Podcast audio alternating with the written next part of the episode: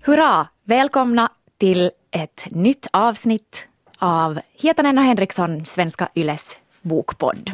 En bokpodd för alla.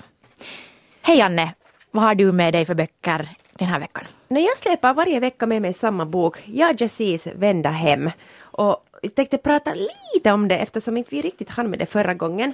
Men jag måste nog vara snabb för att jag ser att du tindrar med ögonen som aldrig förr på grund av Schunnessons bok. Tripprapporter. Och du har träffat henne och jag har tänkt, jag har liksom inte frågat sådär privat av dig hur det var för jag tänkte att jag sparar det till podden. Och nu, nu måste du berätta allt. Jag ska berätta allt.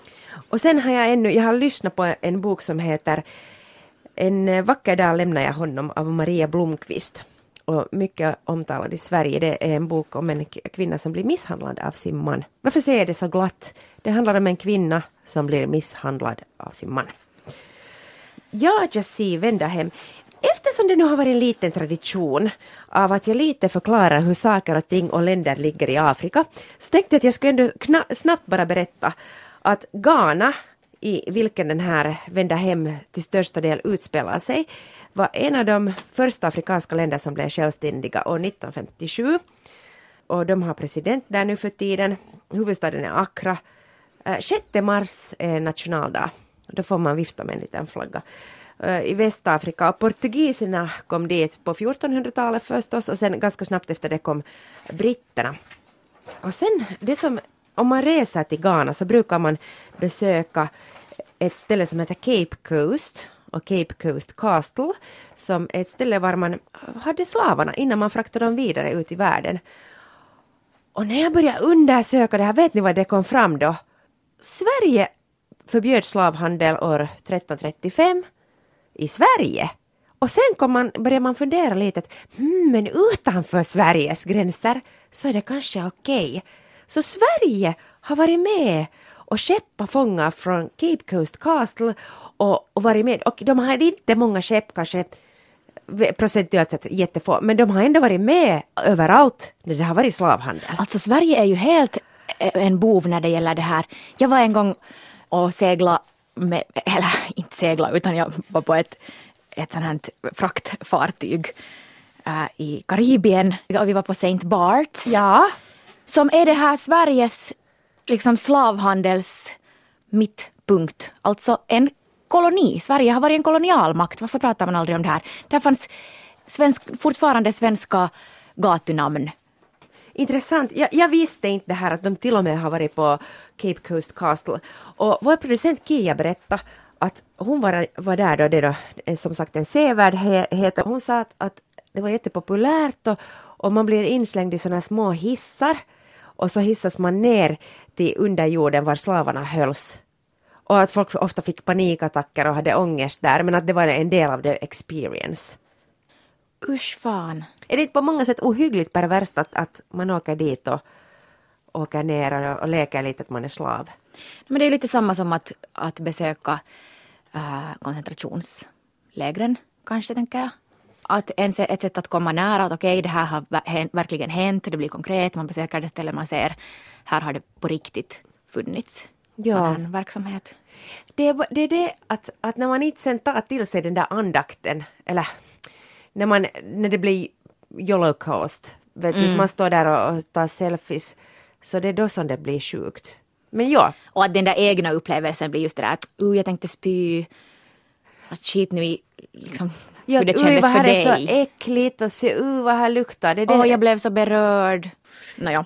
Den här Forte är väldigt viktigt i den här boken Vända hem, Jajasi. Och vi pratade lite om den i förra avsnittet redan, men alltså den handlar om sju olika generationer på, från två olika sidor. Ena kommer från en slavkvinna och den andra kommer från en kvinna som gifte sig med en slavhandlare.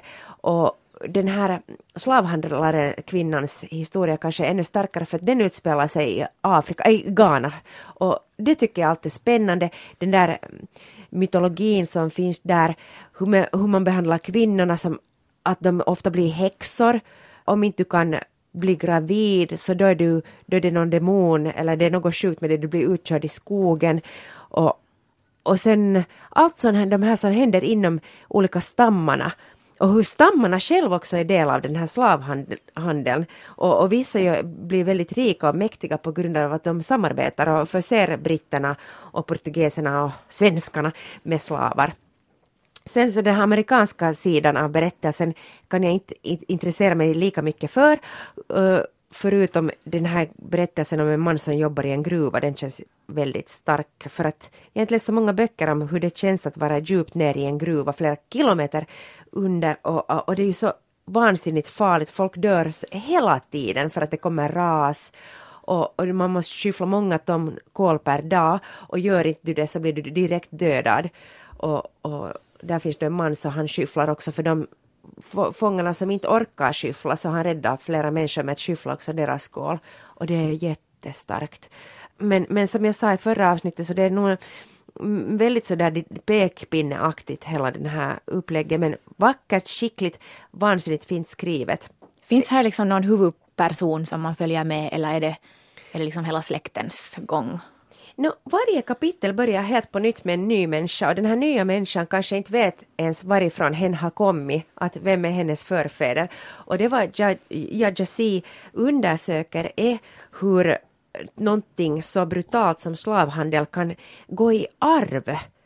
Att, att du, kan, du kan inte frigöra dig från det som har hänt åt dina förfäder fast du inte ens kanske känner till detaljer eller någonting och hon beskriver det på ett jättefint sätt nog. Det, det, det är liksom behållningen från det. Som ett helt konkret exempel så där är en, en person så hon ler aldrig, hon kan inte le och när man får höra hur hennes liv är så förstår man att hon inte kan le. Men sen så hennes dotters liv är ju helt annorlunda. Men hon kan inte heller le för att hon har då bara varit med sin mamma, hon har aldrig sett mamman le. Det är intressant hur det går då, den saken, bara en sån konkret sak, har gått i arv vidare. Det där är jätteintressant att hur, hur det, just det där arvet, mina mörkhyade vänner i USA, många av dem säger att när man pratar om slaveriet, att inte har det ju upphört.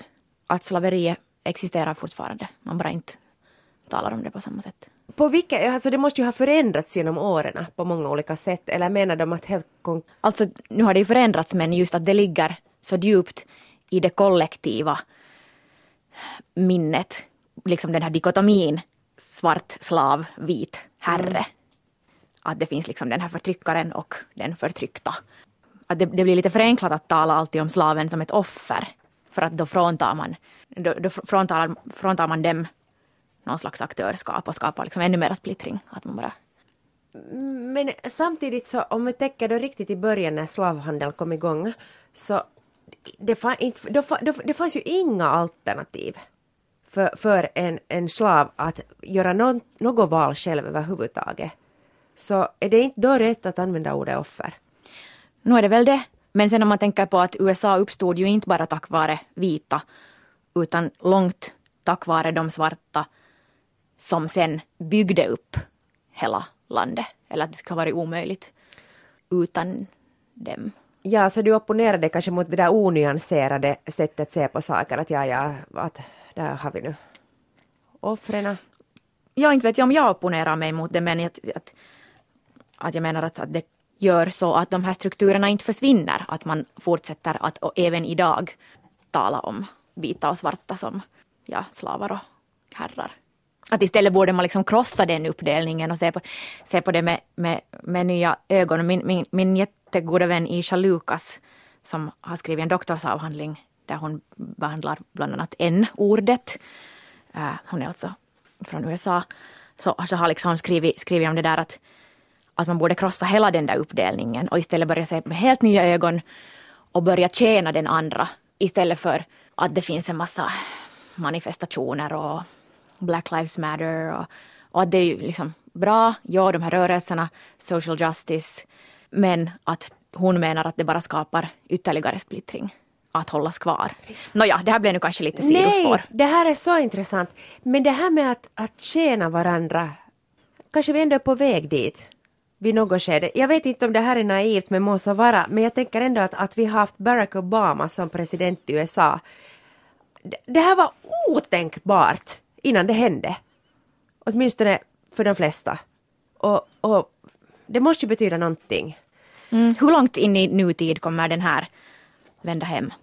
80-90-talet, nu minns jag inte. Det måste jag säga att jag kände mig fruktansvärt desorienterad hela tiden när jag skulle ta upp den här boken. Jag läste den under loppet av tre, fyra dagar och det var, jag gjorde då andra saker emellan och så här och ibland läste jag den från min mobil som e-bok. Och jag var alltid så, vad läser jag, vem är vem, Vart är jag, var är jag nu? Nej, jag förstår ingenting. Och sen finns det ett sånt här släktträd på första sidan. Men där vill man inte heller titta för att då spoilar man också hur det går sen. Så det var inte en helt behaglig läs läsning för mig. Det är en bra bok, men jag skulle nästan ge det till skolelever på, i högstadiet, kanske i historieundervisningen. Och sen, sen så gav det mig nog jättemycket skam och skuld och jag kom ihåg hur jag som liten kände mig så för det här var alltså inget stort problem, men jag gick runt och önskade att jag inte skulle varit vit. Vet du, jag gick omkring med den vita mannens skuld och skam och jag kände mig så förbaskat dålig och jag visste att jag, vad jag än gör och vad jag har gjort så, så jag kan inte tvätta mig ren från det här. Så, vi, så jag tror att vi hade ganska bra sån historieundervisning i Borgo. Den här historien var inget nytt för mig, jag vet precis vad vi har gjort. Så det här skulle kunna år 2017 vara obligatorisk läsning i Borgå gymnasium? Ja, eller det kan hända att det här var 1980. Det känns som att jag redan har läst den här ja, boken. Ja, okej.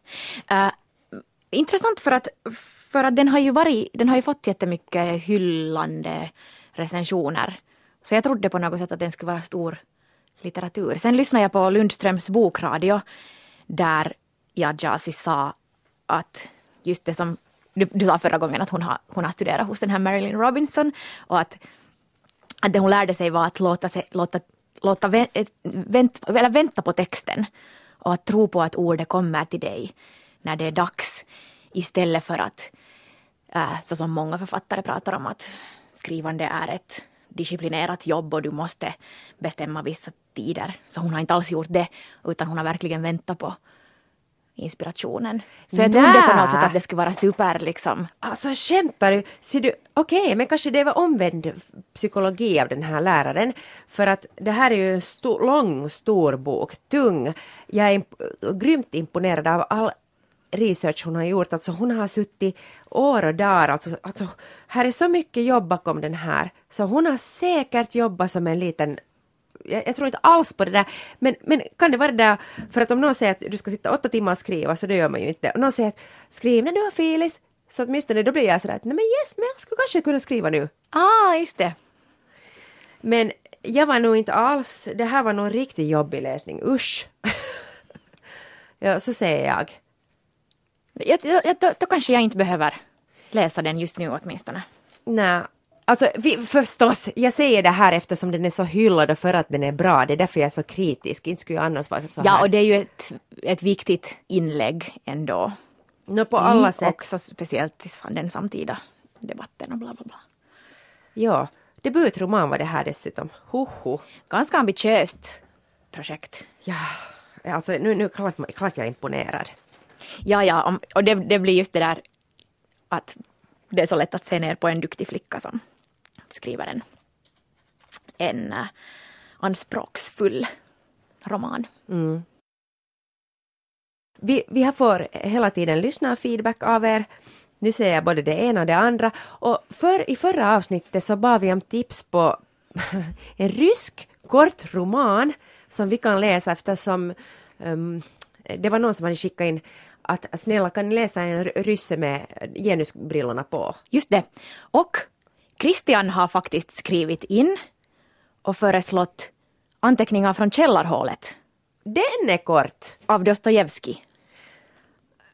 Okej. Eller heter den anteckningar från ett källarhål eller någon gång har den också haft titeln En underjordisk dagbok. Ja, Alltså faktum är att jag redan har läst den här, den byter namn. Den är, har kommit på flera olika utgåvor med olika namn på svenska. Och det här var min favoritbok i gymnasiet.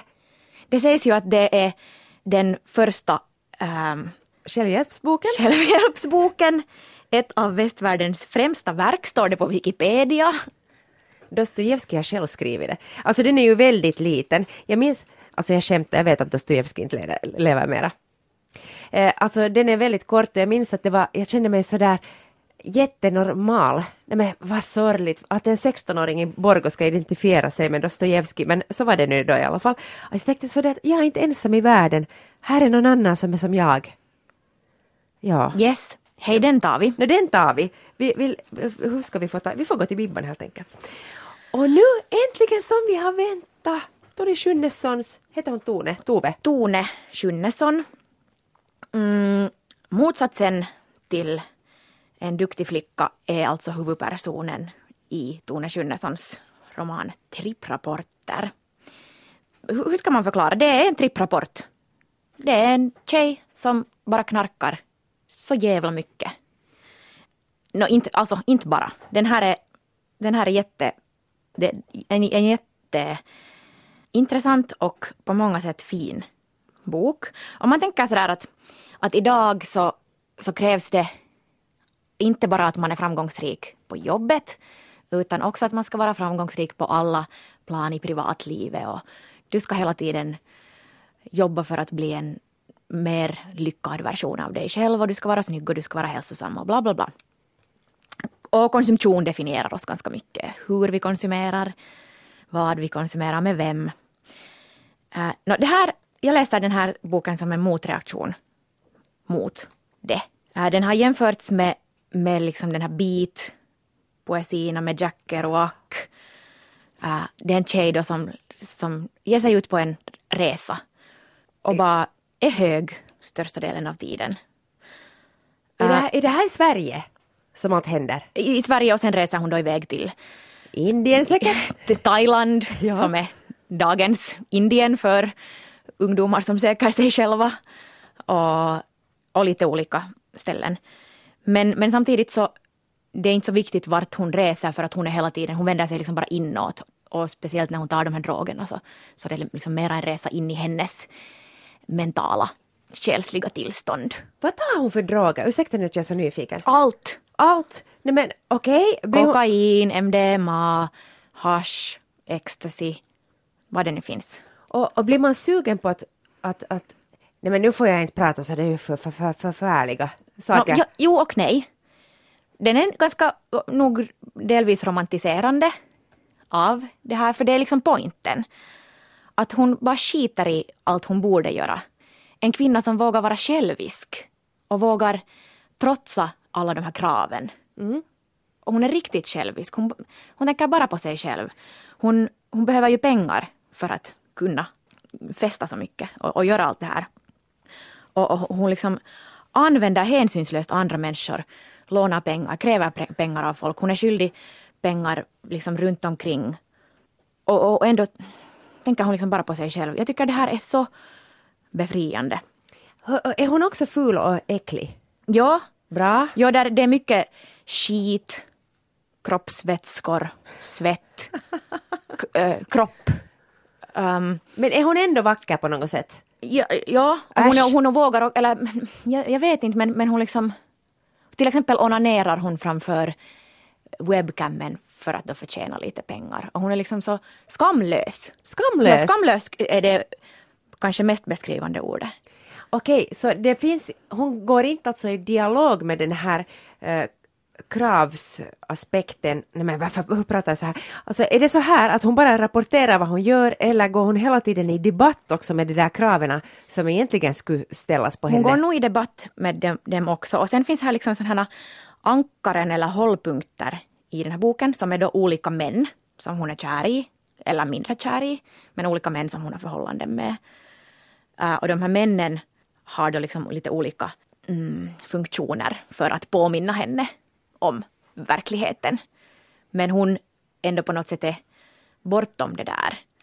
Vilhelmina Öhman skrev en ganska fin text på Svenska Yle om, om den här tripprapporter där hon jämförde den med Hannele Mikaela Taivassalos In Transit. Och hon talade om det här liksom kvinnliga begäret och att hur liksom fortfarande ovanligt det är att våga prata eller framförallt i litteraturen skriva om, om kvinnligt begär. Men jag skulle kanske inte riktigt ändå hålla med om det att för mig handlar inte tripprapporter så mycket om eller kanske begär men inte liksom, inte liksom lust fast den handlar om sex, men, men den här huvudpersonen är ändå mera ambivalent och liksom orkar inte riktigt bry sig. Men är sex någonting som händer åt hennes kropp? Sex är i allra högsta grad- en handelsvara. Jag intervjuade Tone Schunnesson här i början av vet. veckan. Okej, ljuvlig människa. Och så fiffig.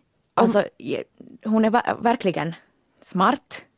Och hon sa, hon sa att när jag frågade att kan man, kan man liksom dra paralleller mellan det här behovet av pengar som den här huvudpersonen hela tiden har och behovet av någon slags heterosexuell bekräftelse. Men hon menar att den här huvudpersonen använder sin sexualitet, eller att heterosexualiteten är en ekonomi. Och att eftersom kvinnor är beroende av heteros kärlek, inte på grund av begär, utan på grund av, liksom bara för att kunna överleva. Vet du, det är så många kvinnor som till exempel inte har ekonomiska möjligheter att skilja sig. Eller som behöver en man för att, för att vår sam, vårt samhälle är uppbyggt så att det är mycket svårare att, eller det, att är det ens möjligt att vara ett kvinnligt subjekt.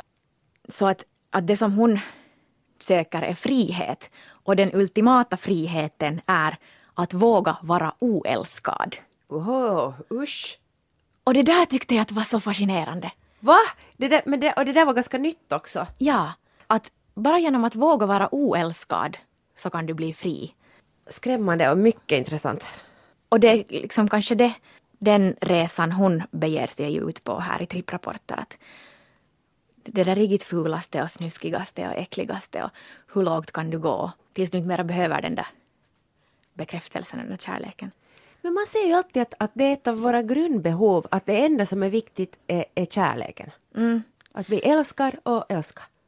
Ja, inte vet jag heller, inte, inte ger den här något svar på att är det här nu, det är ju ett ganska, eller det sa, sa Tone också att, att priset som hon får bet- betala för den här friheten är ju jättehögt. Det att hon sätter sig själv på spel, både så här fysiskt och psykiskt. Att mm, vad väger sen mera? Eh, Men hör du, alltså vi är ju inte beroende av heterosexuell kärlek överhuvudtaget.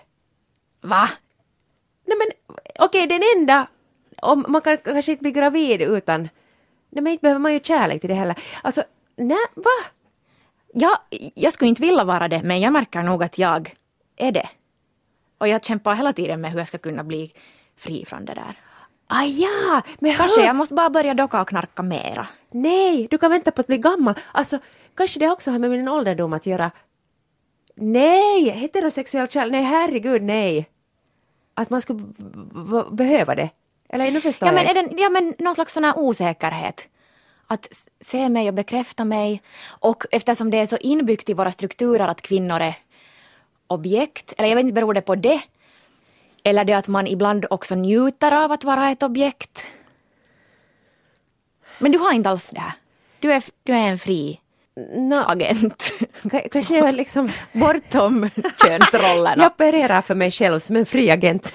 Nej, alltså jag har varit den här sån här slav för blick, blicken. Vet du, att, att bli sedd, jag har hela tiden tänkt att jag blir sedd och hur blir jag sedd nu och den här uppskattande blicken har varit helt det viktigaste för mig. Men vet du vad, det måste ju vara, jag har helt glömt bort det här. När du sa det där så var det så att, men vad, vad pratar du nu om? Men nu kommer jag ihåg att jag har haft det här också. Kanske, ja, intressant. Men nu är du gammal och vis. Jo, sen kommer det säkert någon ny fas. Och, och då, då, då händer allt. Men jag måste säga att den här Tone Schunnesson-intervjun, den hittar ni på arenan. Den finns under ett års tid i ett lassoavsnitt som handlar om karriär. Och jag minns inte exakta publiceringsdatum, men kolla hela tiden på arenan efter Lasso, där får ni se Ida och Tone i Stockholm. Var ni, ni var säkert på en bar och drack sprit som bara den. Nå, det var mitt på dagen. Vadå mitt på dagen? Vad menar du? Det var faktiskt Tone som sa, jag föreslog att ska vi, ska vi gå och dricka drinkar och så tyckte hon att det var lite för tidigt. Den här boken har blivit så stor och jag, jag visste, jag trodde inte det. Alltså där ser man hur jag har fel ibland. Jag trodde att det här blir inte en kvinna som är ute och dockar och knarkar, att vad är det som är spännande där? Men, ja, Förlåt. Ja, och jag var helt överraskad. Jag bara, vad hände? Varför är den här så stor? Men vet du vad, att alla älskar ju liksom Ginsberg och Kerouac. Och, och liksom män har ju gjort det här i alla tider. Och sen när en kvinna gör det så möter det ändå lite misstro. Jag är så glad att den här har tagits så väl emot för att Ja, samma tänker jag lite just på den här Mikaela Taivassalos In Transit. Som då kanske, har, det, kanske det finns vissa, vissa paralleller. Och det där att, att genast när en kvinna liksom tar utrymme och gör anspråk på någonting så är det så provocerande. Och den här Intransit har inte fått så mycket uppmärksamhet.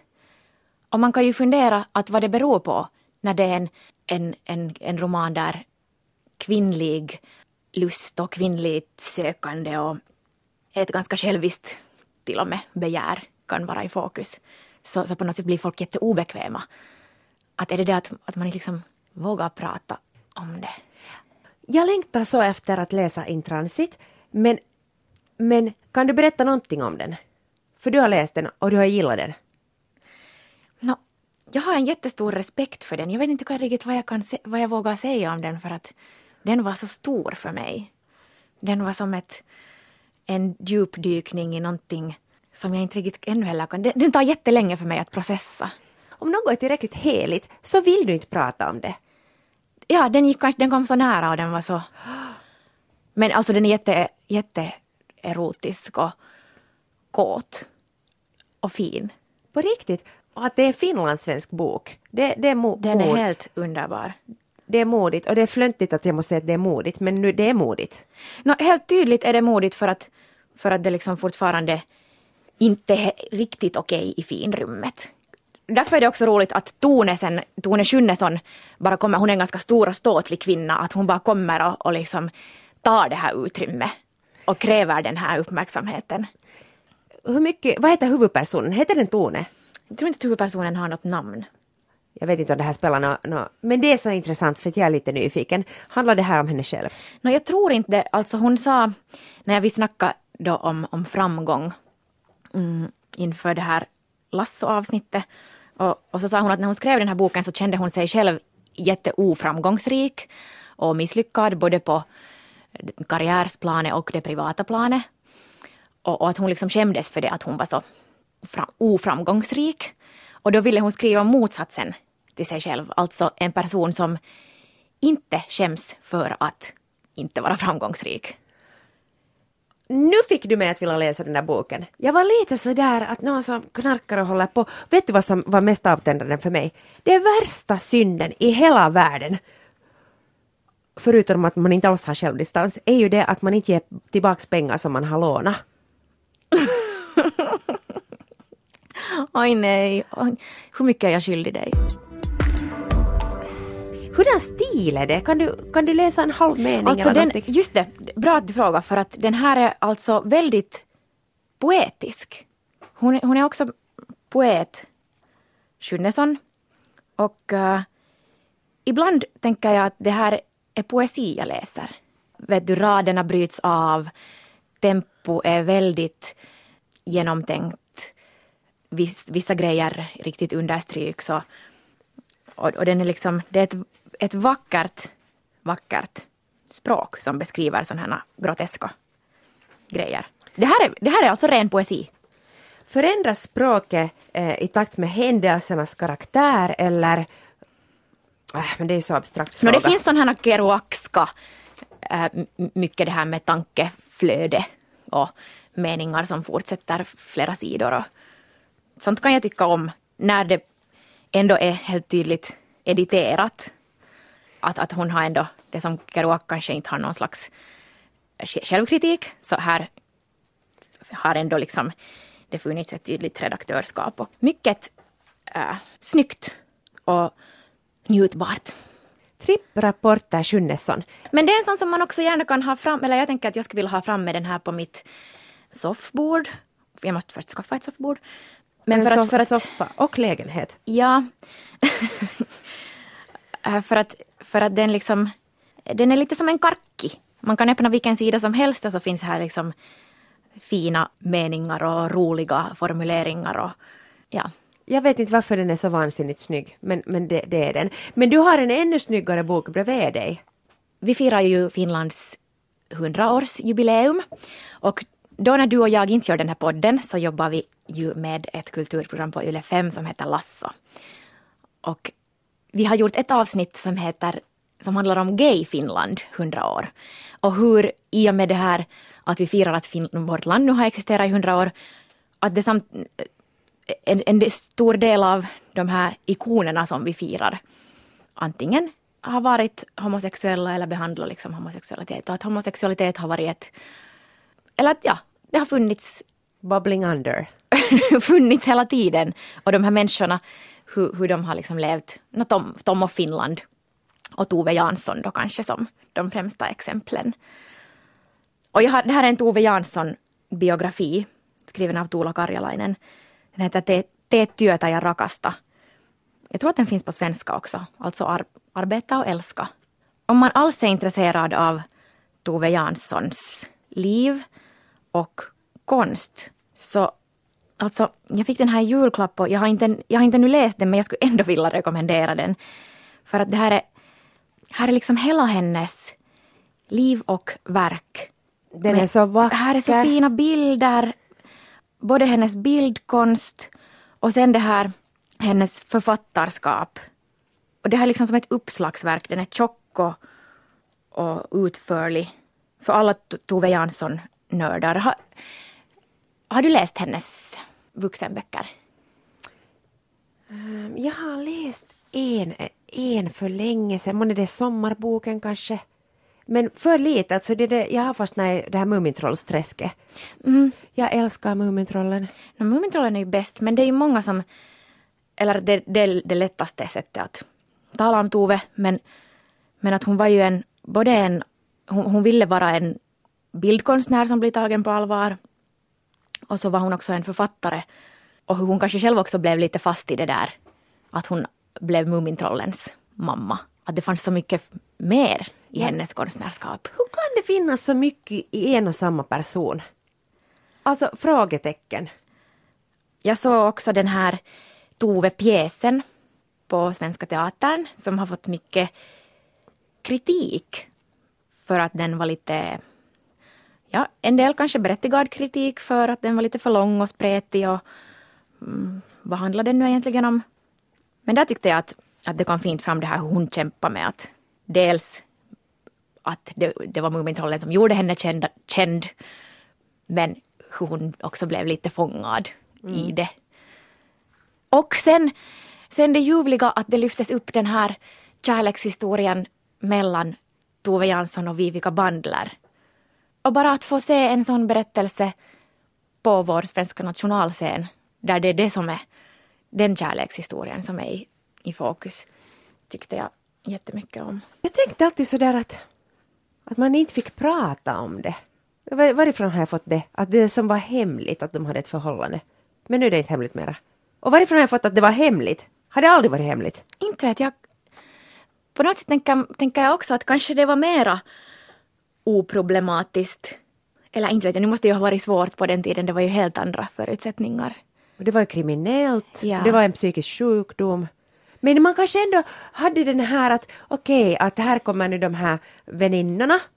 Och så alla visste men det var ingen grej. Alltså, Vet du hur många släktingar vi säkert har som, eller liksom äldre bekanta som man alltid har pratat om sådär, ja, hon och hennes väninna. Jag vet, jag vet. Och som det aldrig sades rakt ut. Ja.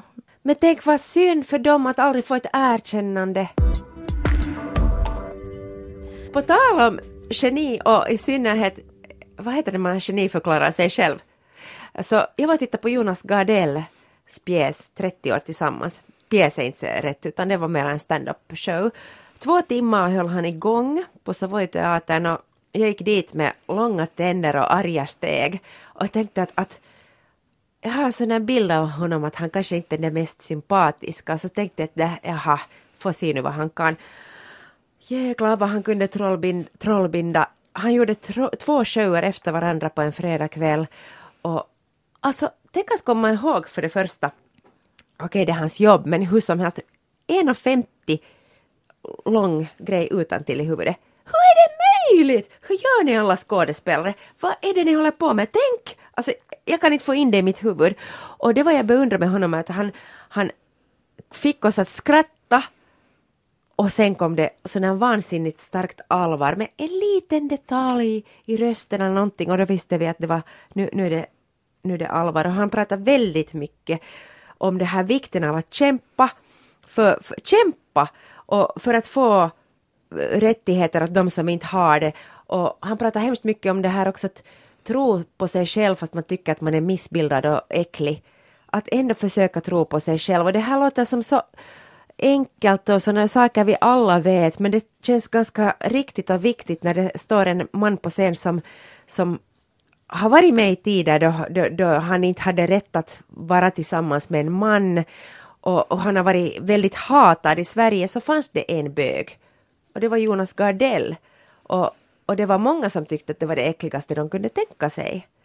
Så, så det var nog väldigt, väldigt fint och, och 30 år tillsammans det tyckte jag nu kanske, alltså jag vet inte varför jag är så jante, men att jag älskar ju ödmjukhet och han, han är ju inte ödmjukhet alls så det var nu, det här har jag gjort!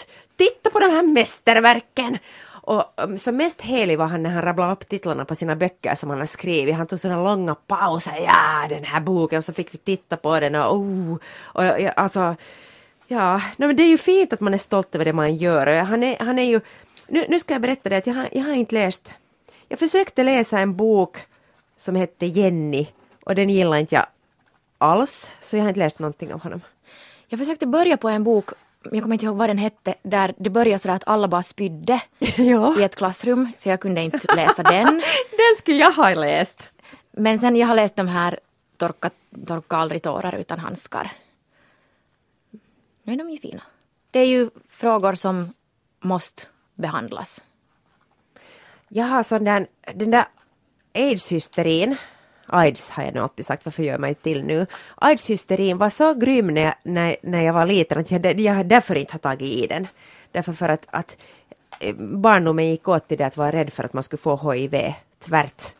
Så, så var det där när det kom. Jag var ju, som, jag var ju liten då när det kom, när det, vi fick reda på vad det var och, och det där, därför var jag tröttnat på det där. Men nu kanske jag är färdig för att läsa Torka tårar utan handskar. Har du också sett se, äh, serien? Ja, den var väl ganska bra om jag minns rätt. Jag undrar om jag skulle kunna komma undan med det. Men, men när vände det sen liksom att, var det sen när han blev tillsammans med Mark som, som, han, som de började bli liksom ett sånt här favorit älsklingsgullepar i medierna? Antagligen, men samtidigt så har ju Mark också blivit grymt misshandlad i Sverige av några nazistgäng. Och Gardell har ju också, att, att i, också på sidan om det här kärleken så har det ju funnits mycket starkt hat. Att jag tror inte att de känner sig kanske alltid i alla sammanhang så jättetrygga till exempel. Tänk dig att det här är nu, att vi liksom diskuterar det här. Att under de hundra år som Finland då har varit självständigt så inte har vi nu kommit så jävla långt ännu. Nå vet du vad, han, han, han säger det här också, titta nu att hur världen ser ut idag, att hur vidrigt och förfärligt det är. Men sen så kommer han ändå fram till att, att nej det är inte sant, det har blivit bättre. Mm. Det, han sa så här, det var så bra, på riktigt, vi går två steg framåt och så går vi på riktigt alltså ett steg bakåt. Alltså det här är inte ord utan det händer på riktigt, det blir alltid backlash. Och vi får inte glömma att vi ändå gick två steg framåt. Okej, klart man blir ledsen när man halkar bakåt men, men nu blir det bättre. Och åtminstone måste man kanske välja att tro på det. Nu har vi pratat så länge att jag tänker bara snabbt nämna en bok till som fick mig att öppna ögonen jag lyssnar på den här som en ljudbok, Maria Blomqvists bok En vacker dag lämnar jag honom. Och det här handlar om då Maria Blomqvist och hennes man som hon har döpt till Erik därför för att det sägs att Erik är det vanligaste svenska namnet. Och eh, misshandel av kvinnor är väldigt vanligt fortfarande. Och hon skriver en bok om hur det var att leva ett äktenskap tillsammans med Erik som misshandlade henne. Och till min stora skam så ska jag erkänna att jag aldrig har förstått eh, vad som händer när man blir misshandlad i ett förhållande och jag har aldrig på riktigt förstått, jag vet att alla säger alltid att att det är inte så att man går vid första slaget utan att det finns mekanismer som gör att, att du stannar. Och jag har aldrig riktigt kunnat förstå dem ändå. Alltså jag har förstått att jag inte förstår att det är så. Men den här boken var den första som fick mig att förstå att varför det här kan hända till så många av oss och varför man stannar. Och hon förklarade så otroligt tydligt, den här Erik som hon var tillsammans med var faktiskt världens härligaste man. Han var, han var så passionerad, han var så underbar och jag tycker om att, det, att boken börjar där, att vi, vi tittar alla hans fina kvaliteter och vilken ljuvlig man han är och hur mycket han älskar henne och dyrkar henne och ser henne och nu är det här ju en dröm.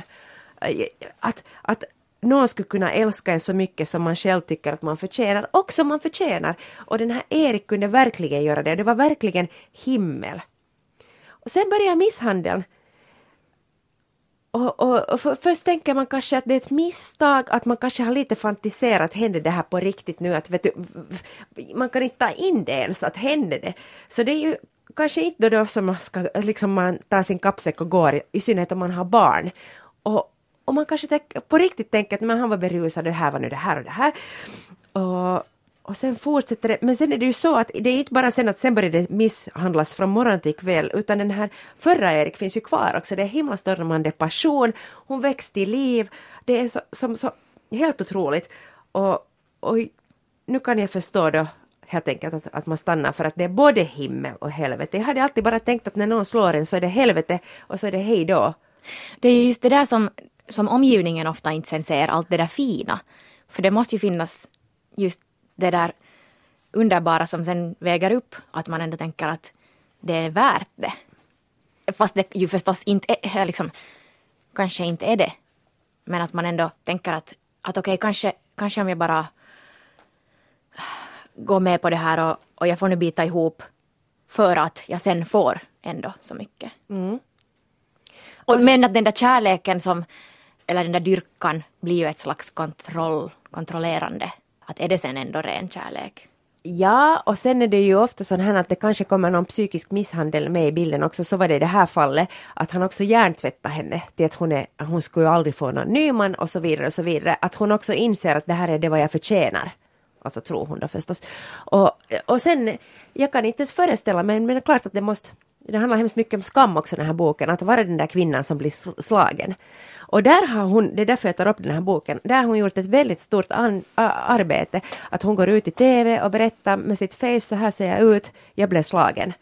Och, och hur vanligt det är. Och, och sen har hon fått Nej, nu minns jag inte, men att det är ju vanligt när någon berättar någonting sånt här bland sina vänner så får hon höra att men det, har, det var för mig och så här, för mig var det också så här. Att det är det sista man visar upp fast man är till och med nästan bästa vänner.